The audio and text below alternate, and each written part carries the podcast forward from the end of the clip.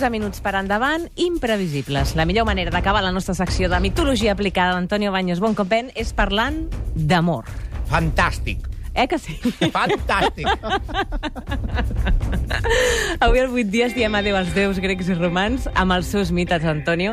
Molt bona tarda. Hola, bona tarda. Què tal? Eh, Desconcentrat, perquè per l'amor. És per l'amor Sí. que t'has concentrat. És per l'amor, sí, sí, sí. Clar, si estàvem parlant d'actualitat eh, durant l'estiu, eh, encara amb, amb déus i sense déus, Sí. hem de parlar, evidentment, dels amors, amors d'estiu, no? Un que, clàssic, un clàssic. inevitablement, eh, la setmana abans de que comenci setembre, són amors que s'acaben. Home...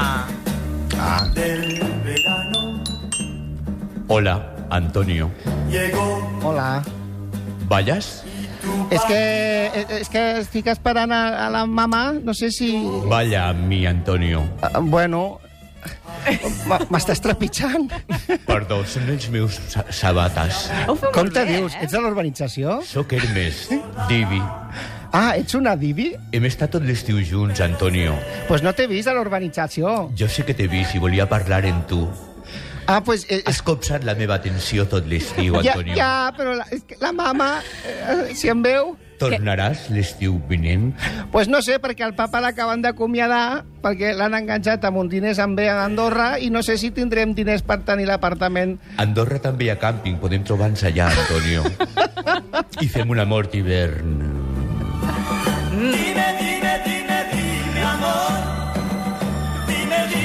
Que fantàstic és això de l'amor, eh? Mireia, Sí, senyor, convida molt a ballar. És que impressionant, és impressionant. Home, un està, que és un periodista sèrio i, i, i clar, que li agafi una divinitat per la cintura amb aquests braços poderosos Però tenir és cintura... molt difícil aguantar-se. Antonio, tenir cintura és important per un periodista seriós. Efectivament. Doncs parlem dels amors d'estiu, uh, però centrem-nos en l'actualitat, perquè Sí. hem vingut aquí, això és una casa sèria, Catalunya Ràdio, Molt. a fer, act... a fer actualitat, i a l'estiu d'aquest any, del 2014, té uh, efectivament tres M's com a, com a nord i com a guia. La M de Mallorca, la M de Magaluf i la M de Mama Pi.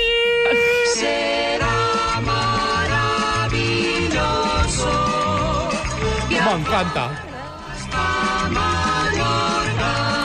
Bé, sense el pi, Mamadi. Sí, senyor. Escolta, diguem-ho les coses pel seu nom. Va, vinga, va. Doncs resulta que hem descobert que hi havia moltes noies europees que nosaltres creiem civilitzades Sí. i molts nois que també creiem civilitzats i educats de nord enllà, que deia l'Espriu, i que venien aquí a Magalluf, a Mallorca, a fer guarrerides. Sí. Uh, no és cap novetat, a la Mediterrània els déus i les deesses ja ho feien molt abans i donarem alguns exemples. Uh, per exemple, la senyora Contina. que era, Contina. Era la dona de Nicomedes, rei de Bitínia. No em preguntis on cau Bitínia, uh, crec que creu, cau Al fons a la dreta, més al o menys. fons a la dreta. Doncs a aquesta dona li agradava tant el tema Magalufing i el tema de l'altre, que els déus la van castigar a ser trossejada per una gossada de gossos rabiosos. Ho dic perquè si l'Ajuntament de Magaluf té, o de Calvià té cap idea de com acabar amb aquesta mena de turisme... Ells mai ho farien, Antonio, mai ho farien. L'efecte continua. Hi ha un altre personatge de la mitologia grega que potser alguns, a, a, pràcticament totes les dones i lamentablement alguns homes els hi sonarà. És uh, Clítoris. Oi, la Clito. Ara, és un, és un déu, no? Filla d'un gladiador. Era una, Una deessa. una deessa, bueno, era una humana, però que era tan guapa, Ah, tan humana. guapa, Clítoris, sí, sí, sí, sí. Era preciosa. Era tan guapa que uh, Júpiter o Zeus es va enamorar d'ella. I llavors, eh, clar, la pobra Clito, Clítoris, era baixeta. Guapa, Molt. però baixeta no era. Metro no, 15 em sembla que arribava. Sí, baixeta, baixeta. Mm. I llavors Zeus, per poder gaudir dels seus plaers, de la Clito, es va convertir en formiga. Sí. No hem d'explicar per quina Això part de de l'autonomia debò? de clítoris És- va anar Déu convertit en formiga. És que el meu, el meu papa era... És que era tremendo. estic tremendo. suant, picarón. Banyos, estic suant. Doncs, efectivament, se, senyores i alguns senyors, el nom d'aquesta part de l'anatomia femenina ve perquè una formigueta en forma de Déu de, li va fer pessigolles i d'aquí, de clítoris, ve a, aquesta part. Hem de dir que a l'època a pre-Magaluf, a l'època grega, eh, hi havia un costum Hi ha un salt, eh, de Magaluf, ens anem a l'antiga Grècia. Bueno, doncs els grecs van estar també per Mallorca la. Sí. passada. Doncs hi havia una cosa que eren les hierodúlies, que era la prostitució sagrada. A molts llocs, a moltes illes de la Mediterrània, per exemple, a Xipre, abans de casar-te, la setmana abans de casar-te, la noia feia de prostituta. Sí, però no així en un bar, bar el descanso, bar eh, xupacabana, no. Anava al temple, al temple dels déus, i s'oferia per diners, per diners per mantindre els déus, diguéssim. Una mica per fer la xubà, eh? Sí, per fer... No, no, sí, per fer Sí, la sí, xulà. sí. Preparar la dot. Llavors, era molt normal que tu dius, "Bueno, la setmana que ve ens casem. No feia falta fer de, a comiat de solter, perquè ja la nòvia ja estava fent, diguéssim, el seu comiat al temple. Sona molt fort, però és que és així, no? Era, era així. És, jo ara penso, no m'ho puc creure, ni en la pel·lícula més passada de voltes això seria així. Doncs era ni a no la només, de sí, Tarantino. no només així, però sinó moltes ciutats gregues. La setmana abans la noia deia, nen, ens casem la setmana que ve, la mama ja m'ha fet la roba de prostituta, vaig al temple, ja ens veiem el dia de la boda. El bo és que la dona ja mm, es casava una mica...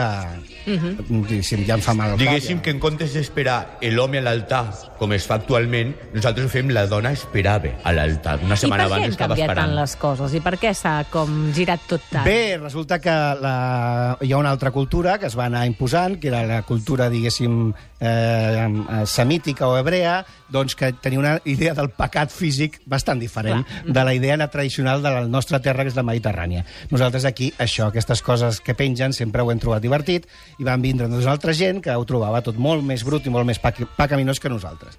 Dèiem Mamading, eh, Magaluf, Mallorca, però al tanto amb les guiris. Això ja passava eh, al temps grec, Uh, hi havia unes figures que eren les làmies, Sí. que eren vampires, com, Sí. saps com els vampirs d'avui dia? Sí. Doncs eren vampiresses, que es deien làmies, i uh, anaven pels carrers intentant lligar-se nois i casar-se amb ells per després nyec, mossegar-los. No? Hi ha el cas de Manip, que era un jove filòsof, que va trobar una làmia uh, pels carrers de Corint que es deia Empusa.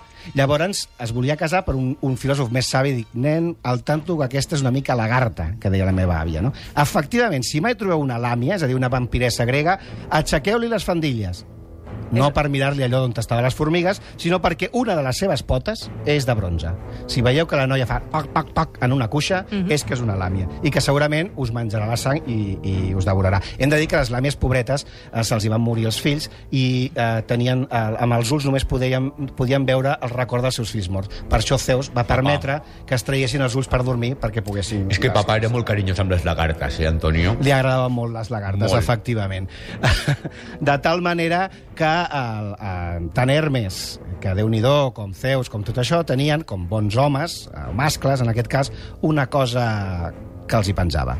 Acércate más y más y más y más, pero mucho más y bésame así. No sé si vosaltres heu sentit parlar, parlar d'una malaltia que es diu priapisme. Ui! Que és... Eh, bueno, el, el Quim Monzó en el llibre de... Com era aquell de... El per què... No, no, espera't. ara- Perquè tot plegat... Uh, sí, Sí, és la que Ventura Pons va portar a la gran pantalla. No, no és aquesta, no és que són històries curtes. La dimensió de la tragèdia, Ahà. perdoneu. La dimensió de la la dimensió de la tragèdia és la història d'una persona amb priapisme, és a dir, que té allò que penja que no, el pot, Mhm. no la pot relaxar. Uh, això estava governat, el penis, o, estava governat per un déu, que era Mhm. Príap. Uh, alguns deien que era fill de Dionís i d'Afrodita, Oh. Que altres tradicions deien que era fill també d'Hermes, el nostre divi. No me'n recordo. Sé que va passar una nit així com molt... Però és que no me'n recordo. És fàcilment que pugui ser el meu fill. Però no me'n recordo, de veritat. No ho sé. Té amnèsia temporal o ja directament Uy, es que global? tot el dia con el vino em- em- empinant el colze i és que no me'n recordo. És que és fàcilment que sí, fàcilment, amb el poder que tenia aquest xiquet. Oh, Príapo sempre, o Príap es, es, de, es dibuixava, representava com un jove amb, no hem de dir quina part, doncs que era com llarga com un tendedero. Vull dir que Sí. ja es podia penjar absolutament de tot. Ah, exactament. le llamábamos el lagarto, mitad cuerpo, mitad rabo. Ala, Vinga, vinga! endavant, ja n'hi ha Endavant eufemismes, l'assatge, sí senyor. ganxitos, home. Tant els hi agradava als grecs aquesta part dels homes que fins i tot a una ciutat li van posar el nom de Príapos, és a dir, la ciutat del penis, és a dir, o Can Fava, una cosa així, podríem dir, o, o anem a Santa Maria del Samaler, per dir d'alguna manera, Sí. si fóssim una traducció. Uh, ara es diu, és una ciutat turca que es diu Carabiga. Mm, té un altre, tarannà, clar. Uh, expliquem una història del senyor Príap, perquè, clar, tenia aquella cosa i anava una mica Mhm. calent. La nimfa Lotis, que no és que, no és que es fes el lotis amb la gent, no. No. es deia el Lotis, estava, es va quedar mitja dormida en un banquet, perquè li van donar una mica de botellón. Llavors, quan estava mitja dormida, Príap es va apropar amb intencions de... Rac, no? Despertar-la. Despertar-la d'una manera amorosa, per Sí. sí. dir d'alguna manera. Uh, però ella no volia. El cas és que un, un asa, un burro, el català, en aquest cas, que era el burro de Silé, que era l'amo del banquet, va començar a fer uh, escàndol quan va veure aquesta situació. Es va despertar la lotis i per fugir de l'empenta de Príap es va convertir en una flor de lotus. Per això, lotis es Lotis. diu lotus. De totes maneres, els amants del déu Príap el que feien en honor seu era sacrificar ases. Alguns deien que per aquesta història, perquè com que no ens vas deixar fer-nos a la lotis? Brotejaven una mica, eh, els grecs, Sí. en el Hi sentit... ha altra tradició... guapa. Perdó, no, no, brotejar, no, no en el sentit de brotejar de fer mala olor, sinó en el sentit de ser una miqueta directes. Eren molt directes, sí. I a la ciutat de Lamsac, eh, on allà es creia precisament que, que Príap era fill d'Hermes... No me'n recordo, no puc fer declaracions, per favor. No me'n recordo, de veritat, No ho sento, jo. no me'n recordo, no era jo. Doncs allò, allà també sacrificaven rucs en honor al déu del penis, però perquè creien que hi havia una competència entre els rucs i Príap per veure qui li arribava a terra. Eh? Són altra, altra manera d'en- d'entendre. Una història d'amor que és més antiga de la que la gent, de lo que la gent creu. Chalacadulla, chalchicomula, bibidi babidi bum. Siete palabras de magia que son bibidi babidi. Ara sí que ja l'analogia entre l'actualitat i la mitologia grega no la veig per no, ara ja anem cap al final, ja Ara qualsevol ja està, cosa, no? eh? Pom de Valium, pom, pom, pom. Bé, la Ventafocs és una història Sí. sí. d'amor molt maca, però tothom pensa que és una història feta pel Walt Disney, encara que alguns diuen, no, els germans Grimm, no, no, no. No, és una història eh, greco-egípcia. Ah. Sí, Rodopis es- era el nom original de la Ventafocs. Rodopis estava també dormint, no sé què passa a les dones gregues, que estaven o amb una formiga dintre o dormint-se O tot el dormint. rato. Clar, Clar, la calor, vida. era la calor. No hi havia aire condicionat i vulguis que no a Grècia aquesta temporada doncs estava dormint a les orelles, de, a, les, a les ribes, perdó, del, del Nil, a Naucratis, i se li van... I una a, àguila li va agafar les, les xancles, les hawaianes, Les hawaianes de l'època. i se les, Les van crocs. se les, les crocs se les van portar volant i les va deixar caure a sobre del faraó d'Egipte que estava a Memphis eh, fent justícia, en un judici, no? Típic, estàs fent un judici, por favor, eh, protesto, cau això i et cau unes xancles hawaianes. Es va quedar tan enamorat de les xancles que va buscar per tot Egipte Ara et sona la Ara, història. ara estic Va enviar a tots aquells que portaven la tovallola al cap, que eren els egipcis, a buscar de qui eren les hawaianes que Com havia trobat. Com la Ventafocs, veus, no sortim de Magaluf, eh, més o menys, però... Uh, I fins que va trobar que li encaixaven a la vella Rodopis. Uh, una altra història d'amor uh, molt maca és la d'Aconsi, que estava enamorat de Sidipa. I va fer que Sidipa entrés al temple de Diana. Allà, si deies un jurament, Sí? s'acomplia. Oh! I què va fer eh, a Consi? Va escriure a una poma aquesta frase. Juro pel santuari de Diana casar-me amb Aconsi. I així va ser. I la noia entra, ve una, proma, una poma i ho llegeix. Juro pel santuari de Diana casar-me amb Aconsi. Merda, per què va dir res? Cada vegada que trobava un nòvio, ella queia malalta. Fins que finalment es va casar amb Aconsi. Aconsi. Com veieu, a l'amor, a l'estiu i a Grècia no era cosa de broma. That summer feeling, that summer feeling, that summer